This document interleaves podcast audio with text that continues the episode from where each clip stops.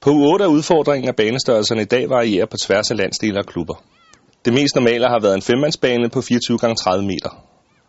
For at øge overskueligheden i antallet af udbudte spilformer, giver det mening at lade spillerne fra U8 til U10 benytte samme faste banestørrelse. Her viser vores analyse, at den mest optimale størrelse er 30 x 40 meter. Nogle vil måske tro, at en større bane går ud over antallet af aktioner for den enkelte, ligesom der vil være for mange lange løb for U8-spillere. Men det er ikke tilfældet. Her ser vi en kamp for U8 i 5 mod 5, hvor niveauet er let øget.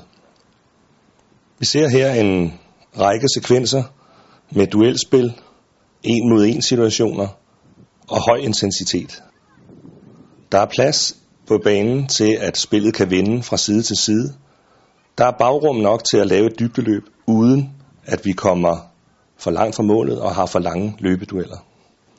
Her ser vi et flot dybdeløb, som udmyndter sig i en efterfølgende afslutning. I en lignende kamp 5 mod 5 på niveauet let øvet, ser vi efter hjørnesparket et duelspil. Spil, bolden kommer på kant, der bliver lavet et dybdeløb, og vi får en afslutning langt udefra. I øvrigt en flot redning af målmanden.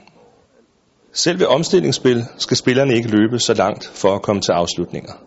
Vi ser eksemplet her, at den angribende spiller, der modtager bolden, har ikke mere end tre berøringer på bolden, inden der afsluttes.